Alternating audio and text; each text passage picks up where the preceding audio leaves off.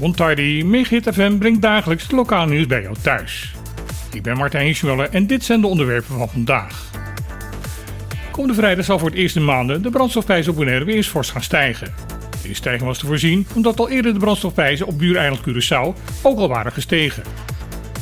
Afgelopen jaar is gebleken dat de veranderingen in de brandstofprijzen op Curaçao altijd een voorbode zijn van wat er op ons eiland met deze prijzen gaat gebeuren. Vrijdag worden zowel benzine als diesel 7 cent per liter duurder. Daardoor ga je als consument komende maand bij de pomp 1,52 dollar betalen voor een liter benzine en 1,04 dollar voor een liter diesel. De grootste prijsstijging is voor kerosine. Deze stijgt ruim 15% naar 1,12 dollar per liter. De grote en kleine gasflessen zullen 5% duurder gaan worden.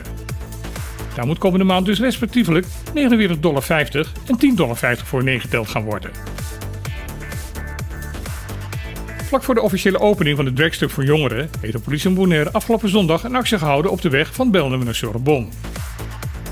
Op deze weg wordt in het weekend heel vaak illegale straatraces gehouden en het raceterrein bij Onima is juist aangelegd om dit soort activiteiten tegen te gaan.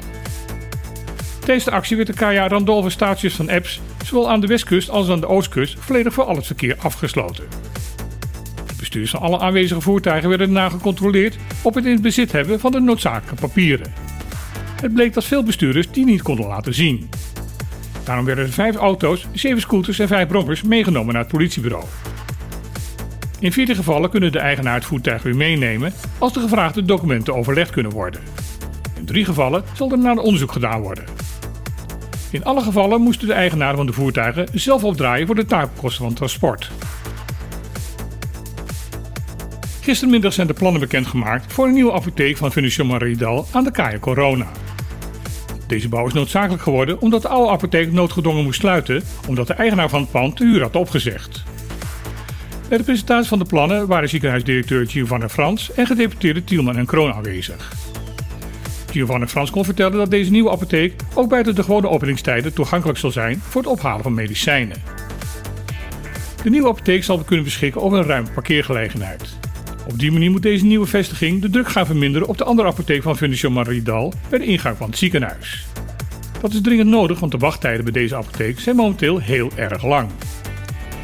Ondertussen kan niemand bij Mariedal, lokale overheid, ZJCM en het ministerie van Volksgezondheid uitleggen waarom een volledige bedrijfsklare vestiging van het bedrijf Service Apotheek in Hato geen toestemming krijgt om de deuren te openen. Want wanneer daar wel toestemming voor gegeven zou worden, zou de druk op de bestaande apotheken nu al sterk worden verlaagd. In aanloop naar Dia di Bonaire zijn er langs de Kaai Internationaal vanaf de rotonde bij de Kaai Industria tot aan het vliegveld vlaggen aan de beschikbare lantaarnpalen vastgemaakt. Volgens de overheid symboliseert deze vlaggen alle nationaliteiten die aanwezig zijn op het eiland. De keus welke nationaliteiten daarbij geëerd worden lijkt al willekeurig te zijn. Aangezien er volgens de officiële bronnen de inwoners van Bonaire uit 75 verschillende landen komen en er langs het gekozen weggedeelte geen 75 lantaarnpalen staan. Een oplettende lezer van Bonaire.nu was het opgevallen dat vlakbij het courtyard bij Marriott Hotel ook een Russische vlag te zien is. Dat is vrij onmerkelijk omdat Bonaire als onderdeel van Nederland zich ook moet houden aan de boycott die tegen Rusland is ingesteld in verband met de oorlog in Oekraïne. Toen Bonaire.nu daarover berichtte, ontstond er een flikdispuut op social media. Bij de samenstelling van dit bulletin was er al ruim 130 keer gereageerd op dit bericht. De reacties varieerden dat het een schande is dat die vlag op Bonaire te zien is, tot de opmerking dat wanneer je hier moeite mee hebt, je maar moet vertrekken naar je eigen land. Ondertussen heeft ook de overheid zich in deze discussie gemengd.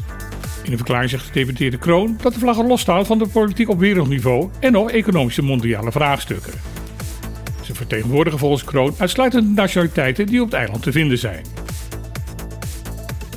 Dit was weer een lokale nieuws op Megahit FM. Ik wens iedereen nog een goede dag toe met weinig onaangename discussies. En dan heel graag weer. Tot morgen.